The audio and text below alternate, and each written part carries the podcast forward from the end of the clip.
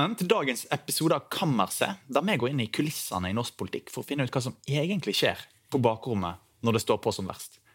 Har Arbeiderpartiet et kulturproblem? Det er spørsmålet vi stiller i dag. Vi har med oss en gjest som lenge var et av de unge stjerneskuddene i partiet, og som kan fortelle oss litt om hvordan partiet er på innsida.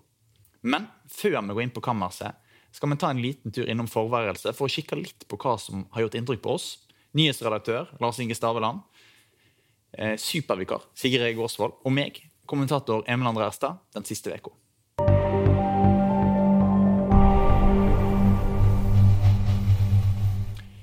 Sigrid, hva er det som har gjort inntrykk på deg eh, siste uka? Ja, nei, Det er jo mye amerikansk politikk med meg. Eh, tirsdag denne uka var andre omgang i senatsvalget i Georgia. Eh, demokraten Raphael Warnock slo republikaneren Herschel Walker. Eh, det var som forventa, eh, men seiersmarginen endte opp rundt 3% som er godt nok, selvfølgelig, men òg et ganske tydelig signal om at i Georgia, uh, i likhet med mange andre delstater i liksom, det sørlige USA, så er demokratene i enormt trøbbel hvis republikanerne klarer å stable på beina en skikkelig kandidat. Uh, Herschel Walker han var på en måte så vidt i stand til å, å snakke i fulle setninger. sånn at det, det, de hadde utrolig mye å gå på. Uh, det kommer til å bli en krevende delstat for demokratene i årene som kommer. Dette betyr òg at nå er 20, nå er 2022-valget over.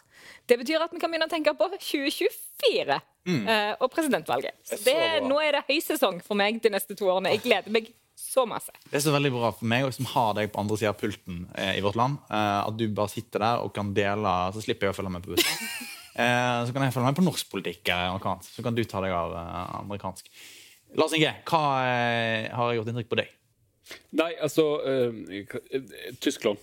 Uh, The Economist har en uh, podkast helt fantastisk som handler om, uh, som handler om den uh, tyske, tyske Hva skal jeg si Den omveltninga som Olaf Scholz har gjort i Tyskland. fra Rikskansleren. Riks, ja, altså Forbundskansleren, Forbunds. kaller vi det. En, en viktig nyanseforskjell i tysk historie. Beklager. ja. Men eh, nå handler det om hvorfor eh, De har jo gått fra en pasifistisk rolle til å, til å, være en pådriver og en støttespiller til Ukraina i krigen. Mm. Men de går ikke all the way, kan du si. Eh, de gir ikke tanks, og det er en svær debatt om det. Og så handler det liksom om hvordan dette henger sammen med gjeld til Russland. for å mm fra gamle dager. Gjeld i hermetegner. Er det egentlig lov å si at Tyskland går all the way eh, med vi tenker sånn? Er det eh, det, Jeg tror du har kryssa den grensa allerede i dag. ja. Vi får bare beklage. Eh, jeg har i hvert fall eh, jeg har noe mer kulturelt eh, som har gjort inntrykk på meg. Jeg har lest en bok som heter 'Stargate' av en forfatter som heter Risøy som har fått utrolig mye eh, god omtale. Den er ikke helt ny. Jeg tror den uh, kom i fjor, eller noe sånt. Uh, utrolig sånn uh, sterk og fin julefortelling. Vond og fin. på litt sånn pikene med fyrstikkene-aktig vis. Ikke så lang. anbefaler til alle der ute som vil ha sin koselige Koselig, men likevel eh, Ja, hva skal jeg si? Ja. Koselig, men litt trist? Litt trist. Ja. Eh, fra liksom eh, underverden eh, Eller ikke underverden. Jeg mener de lavere sosiale lag i, eh, i Oslo. Yes. Eh, og Da er vi klare for å gå inn på kammerset. og Der sitter en gjest og venter på oss. tidligere stortingsrepresentant for Oslo Ap, Zainab Al-Samurai. Nå partner i Petter Stordalens Storm Communications.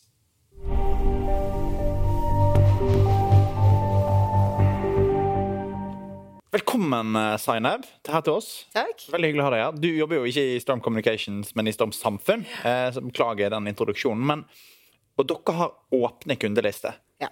Eh, og det er du kanskje glad for akkurat nå? Ja, altså det var en forutsetning da vi skulle starte selskapet, var at vi skulle ha åpne kundelister. Ja. Så hvis eh, du skulle gitt noe råd til Jonas Gahr Støre og ansettelse av eh, PR-folk Åpne. så er det lurt med åpne kunder. det har vi sett. Det det, altså. Ja. Ja. For Han ansatte jo Kristoffer Tone, som kom fra McKinsey, som ikke kan uh, si hva kundene jobber for, mm. men det kan du. Eh, du var jo stortingsrepresentant fram til eh, 2021, eh, og så gikk du ut av politikken. Når du ser eh, partiet ditt, Arbeiderpartiet, nå eh, Og så eh, hender det at du tenker for deg sjøl sånn Hva var det jeg sa?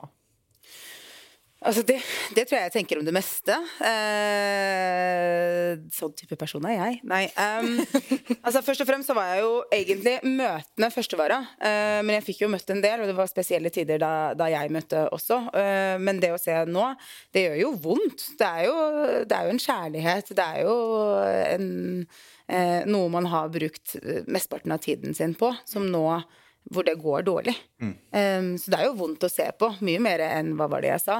Mm. Um, fordi det er viktig at Arbeiderpartiet lykkes og at de gjør det bra. Ikke bare for, for, meg personlig og for oss som er i partiet, men jeg tror det er viktig for, for samfunnet mm. at vi har et sterkt Arbeiderparti. Um, så ja, det er sårt. Hva hvis du skal ta, Det gikk jo litt opp og ned i den tida du var med òg, mm. eh, kan vi si. Eh, det er vel ikke å ta for hardt i. Men hva, hvor, hvis du tar med inn på bakrommet i stortingsgruppa, mm. hvordan, eh, hvordan preger det Eller hva, hva, er reaksjonen når det kommer så dårlige målinger, og ja, det går dårlig med partiet? Ja, altså jeg husker jo at jeg også jobba på Stortinget eh, i 2016. Og det var rundt den tiden hvor vi nesten lå på 40 Og eh, folk jo, gikk jo rundt i gangene og planla at vi skulle være en mindretallsregjering alene.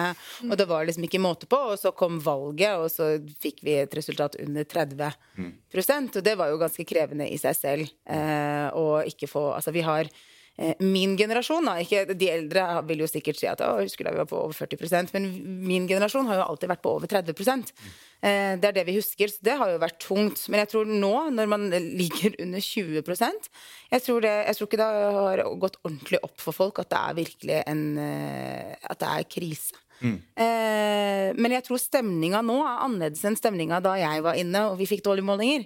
For da var det veldig mye mer personpreget. Vi hadde interne konflikter som var veldig store. Eh, og som selvsagt påvirket målingene våre, men også stemninga i partiet. Selv om målingene hadde vært gode, så hadde det vært tungt i partiet da. For det, det var jo Altså, det, det var jo spesielle gruppemøter, og det var jo spesielt å være der og alt som pågikk. Men nå tror jeg, det, nå, nå tror jeg det er krevende på en annen måte. fordi det er jo altså Selv om man ser at det er ting som er dårlig, så har jo også Arbeiderpartiet gjort mye som har vært veldig bra. Mm. det er jo, Mye har vært bra også Arbeiderpartipolitikk. Og det å føle at man jobber hardt og ikke får igjen for det, jeg tror det er enda mer krevende enn når man ser at man står i krise og skjønner eh, hvorfor målingene er dårlige. Mm. Mm. Har det gått opp for folk i Arbeiderpartiet at det er krise? Ja, det vil jeg tro.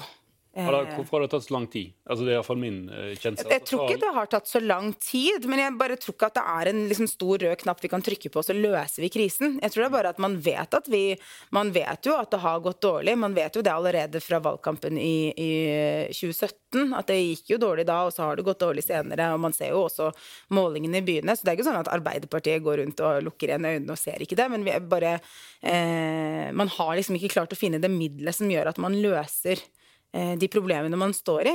Mm. Så det, jeg tror det er mer det. Man, og det skaper jo enda mer frustrasjon.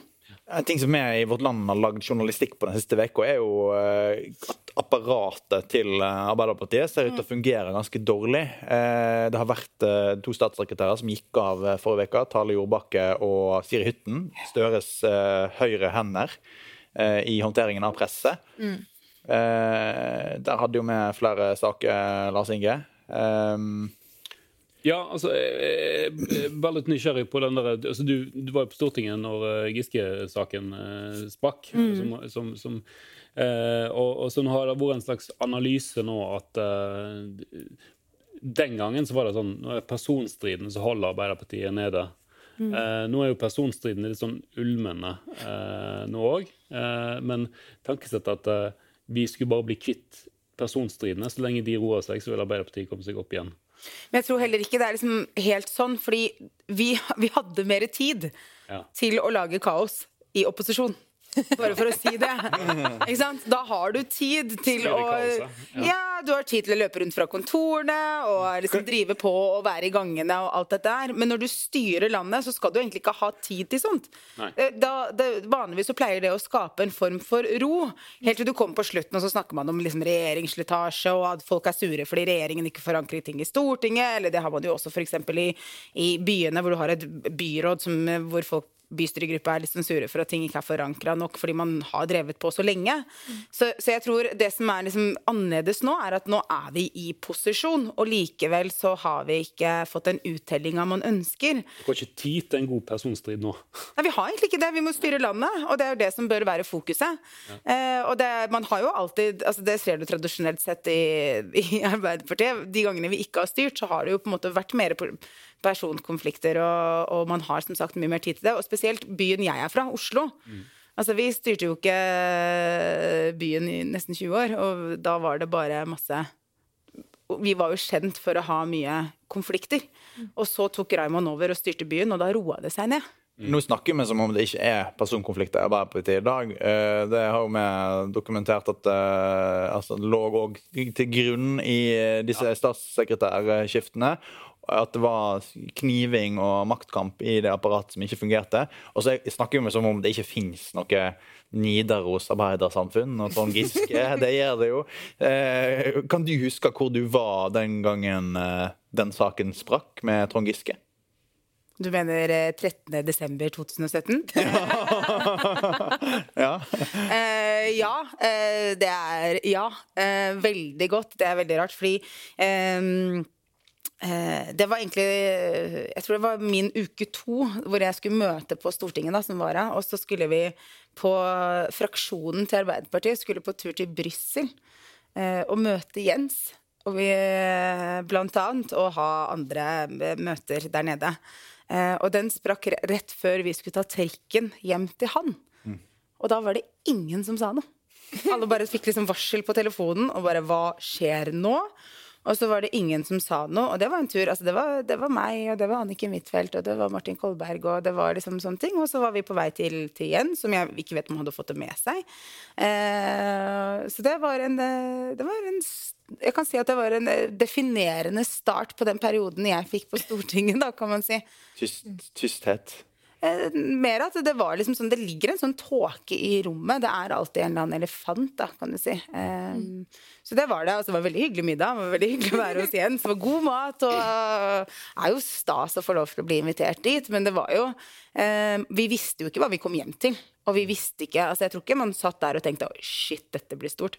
Er lov å si shit? Jeg vet ikke. Mm. Men eh, nå sa jeg det. Altså, jeg tror ikke Jeg tror ikke man visste omfanget av hva, hva den saken skulle starte.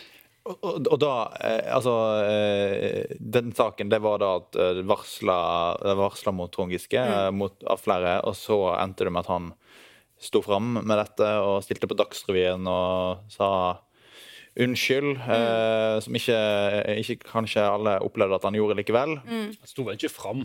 Det var feil. ja. Han hadde ikke så mye valg. intervju ja, han, på Dagsrevyen, ja, han, så, ja.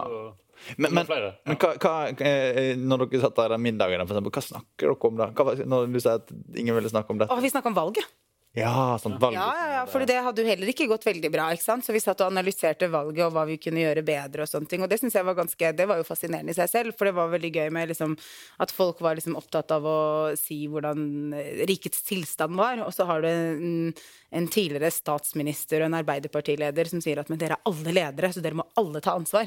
Og det er liksom når du får beskjed, og du går derfra. Og det er litt sånn, Kanskje det er lov å si det her, men når liksom Gud gir deg den beskjeden, så går du hjem og prøver å ta ansvar, da. Så det er eh, Det var jo ganske Gud vi eh. Ja, nå, nå er det, var du ferdig med alle personkonflikter? Ja, da hadde vi fått instruksen ovenfra. Vi lyttet, og så gikk vi videre.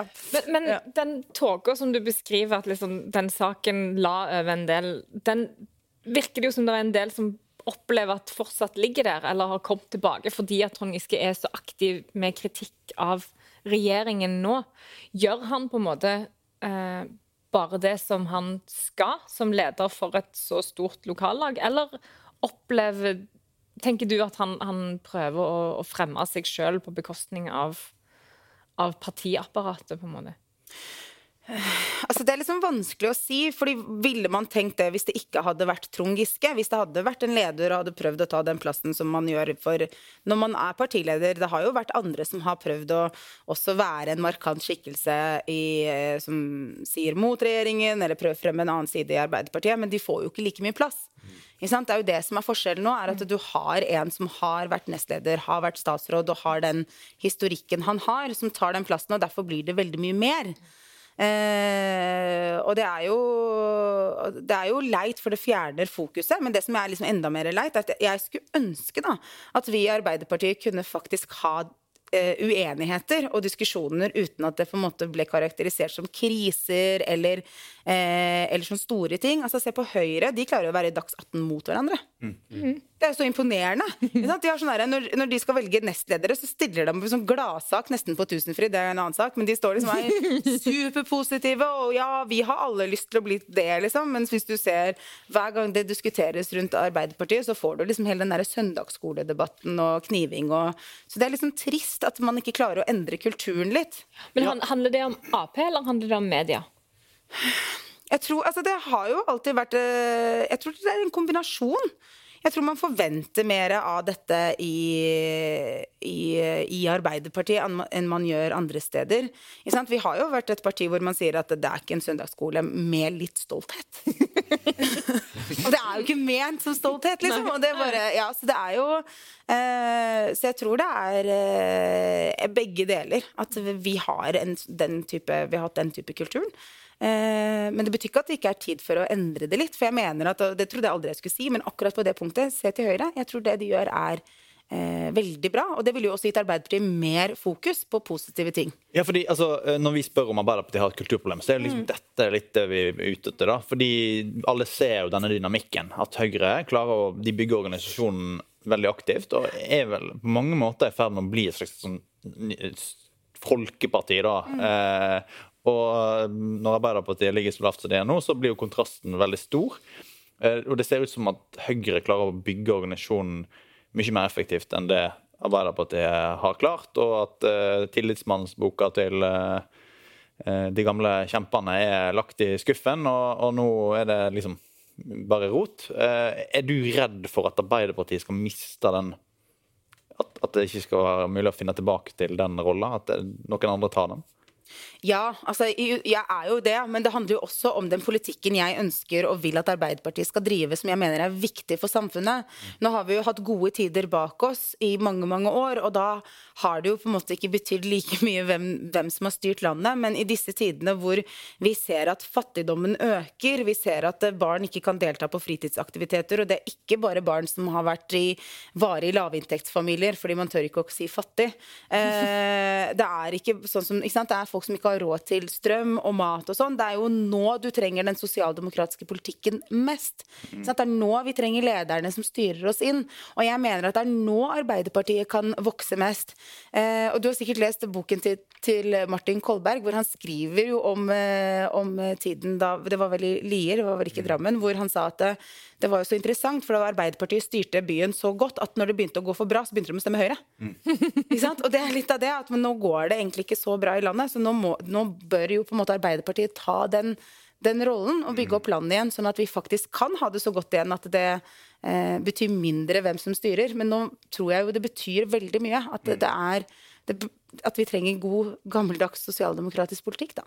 Og det har vært mye fokus på dette med liksom, etter disse statssekretærskiftene forrige uke. Og, og eh, det har jo Støre sagt flere ganger sjøl òg, at kommunikasjonen må bli bedre. og Du er jo eh, relativt eh, god på kommunikasjon, siden du jobber med det. Eh, eh, hva er, hva er, din analyse? Er det kommunikasjonen som er problemet her? Er, er det, hva, hva ville det vært ditt råd til Arbeiderparti-ledelsen? Jeg tror ikke det er liksom bare kommunikasjonen, for det er liksom ikke bare måten du sier det på, men det er det der at man skal sitte og føle at Altså, jeg må sitte og føle at jeg tror på deg. Jeg tror på at du kan lede oss gjennom dette. Det var jo noe av det Erna gjorde godt egentlig under uh, covid. Uh, vi trenger ikke sant, Nå er vi i en krise. Vi trenger en tydelig og klar leder som, som nettopp uh, gir oss troen på at vi kommer gjennom krisa. Eh, og om det er at du bytter eh, kommunikasjonsrådgiver eller andre, det, det, vet jeg ikke. Men jeg tror for mitt vedkommende så, så trenger jeg å Uh, og jeg har, jo, jeg har, jo, selv vært en av de fattige barna. Jeg har jo vokst opp i kommunal bolig og sånt. Jeg, uh, jeg, får vondt når jeg leser avisen. Det er det som påvirker meg mest. For jeg føler liksom at det lille Zainab kommer tilbake. Og lille Zainab trenger en som hun vet kommer til å gjøre at hun eh, ikke trenger å bekymre seg for om mamma og pappa har råd til mat. Det er litt den eh, Vi må ta liksom, folks frykt på alvor og vise at man forstår den og har lyst til å gjøre noe med den. Så det er kanskje det som må kommuniseres bedre ut nå.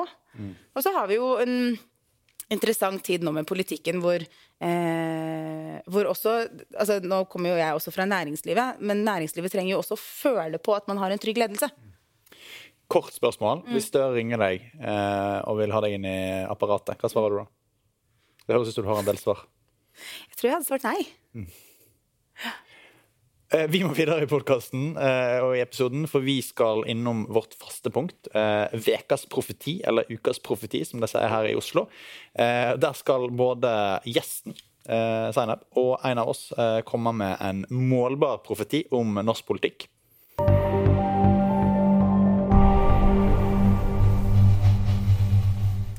Yes. Eh, Zainab, du er jo en skarp politisk analytiker. Eh, hva er din eh, profeti? Eh, jeg tror eh, Jonas sitter som statsminister ut 2025. Det er en, uh, I disse dager kan man kalle det en dristig profeti, profeti. Det er jo flere Hege Ulstein var jo inne på og skrev om at det var et lederspørsmål i Arbeiderpartiet nå. Hva, hva bygger du det på? Eh, det er jo mest et nestledespørsmål akkurat nå. Eh, jeg bygger det på at man egentlig har vært for dårlig i Arbeiderpartiet til å bygge opp framtida. Rett og slett. Vi har liksom ikke Vi har ikke lang kø med folk eh, som kan stå klare til å ta over. Det er egentlig veldig få alternativer som kunne gjort det i dag. Så Jonas har litt flaks. Det går dårlig ved en tid der. Er ikke så mange som kan ta over. Det var dine ord. Ja, nei, jeg, men det er jo litt det at hvis du skal liksom sånn Hvis du skal eh, eh, ha en arvtaker, så må en jo gjøre plass til en arvtaker og bygge dem opp. Eh, så, og hittil så har du jo to Det var jo to potensielle arvtakere som nå har vært ute, men jeg tror jo fortsatt at det er en mulighet for eh, dem. Ja. Lars Inge, hva tror du om, om den, den, den spådommen? Nei, altså, er Alternativet til Støre på topp? Nei, Det tror jeg ikke vi vil se på en stund. Eh, men eh, det er jo veldig mye som skjer eh, på nivået under, da. Både i partisekretær og nestleder. Der kan det jo skje ting. Som Hege Ulstein har skrevet om. Og dere òg. Nå er jeg spent på din profeti. Min profeti? Ja. Nei, takk for det. var modig. Vi skal måle deg på den. Hvis, det, hvis han ikke blir Jeg sittende syns det er veldig bra at det er modig å tro at han sitter ut valgperioden. Ja, Jeg føler meg skikkelig crazy, faktisk. I disse dager så er det eh, ikke alle som tror det. Eh, jeg, jeg er enig med deg, da. Eh, Berit, som egentlig pleier å være her, hun er jo sjuk. Men jeg syns vi skal gi henne en litt oppreisning for hennes, hennes profeti for noen uker siden, som var at Arbeiderpartiet kom til å snu. De kom til å nå bunnen, og så snur det litt. Og nå de siste så har det vært flere målinger der det var ørliten Det ser ut som bunnen kanskje er nådd. Eh, og at det er litt sånn ørliten eh, Nå skal de feire at de er oppe på 17% Ja. Eh, 5,4. ja, men, men, Men, men rett skal være rett, Rett for, skal være rett. for hun fikk kjeft sist uke, eller sist, eh, sist episode for dette. sånn at nå må vi si at nå, det ser ut som kanskje, kanskje det, hun har rett. Jeg tenker det. Eh, min profeti i hvert fall denne uka, det er at Hadia Tajik eh, kommer tilbake eh, som statsråd, eh, og kanskje mer, eh, i eh, partiet før sommeren eh, i neste år. Det tror jeg. Og jeg tror eh, Jeg bygger det på at eh, hun virker eh, utrolig kampklar og eh, egentlig sånn ekko av Zainab som sitter her og prater om hva politiske løsninger partiet skal ha framover. Veldig sånn visjonært, som hun har vært i eh, når hun ga ut den boka si om eh, eh, frihet for noen år siden. Eh, så, eh, og så hadde altså, Hun hadde flere intervju forrige uke, og da ble hun spurt om eh, hva skal hun gjøre nå. Og da sa hun at hun har masse ledig arbeidskapasitet, eller noe sånt. Og det, det gjentar hun til alle som spør, og det tror jeg er et signal om at er, hun vil tilbake. Hun er klar for tilbake. og eh, når sant, rett skal være rett, eh, Hadia Tajik er vel en av de aller dyktigste politikerne, ikke bare i Arbeiderpartiet, men i norsk politikk. Så det ville vært synd for partiet å ikke bruke henne. Du la på, og kanskje mer. Hvordan skal vi måle deg på, på det siste? da? Eh, jeg, eh, jeg hadde jo egentlig lyst til å gå litt lenger, men jeg tenker liksom at, at Hadia Tajik kanskje er en framtidig leder i Arbeiderpartiet en dag. Eh, etter 2025, da, når, eh, går ja. for, at, du, for at din, for at din spådom skal eh, gjelde. Så eh, tenker jeg vel det. Men vi er iallfall ved veis ende. Tusen takk for at du kom i dag, Zainab. Og til dere som lytter på og ser på oss, send oss gjerne ris, ros, tips og innspill på kammerset, alfakrøllvl.no, og så er vi snart tilbake med en ny episode.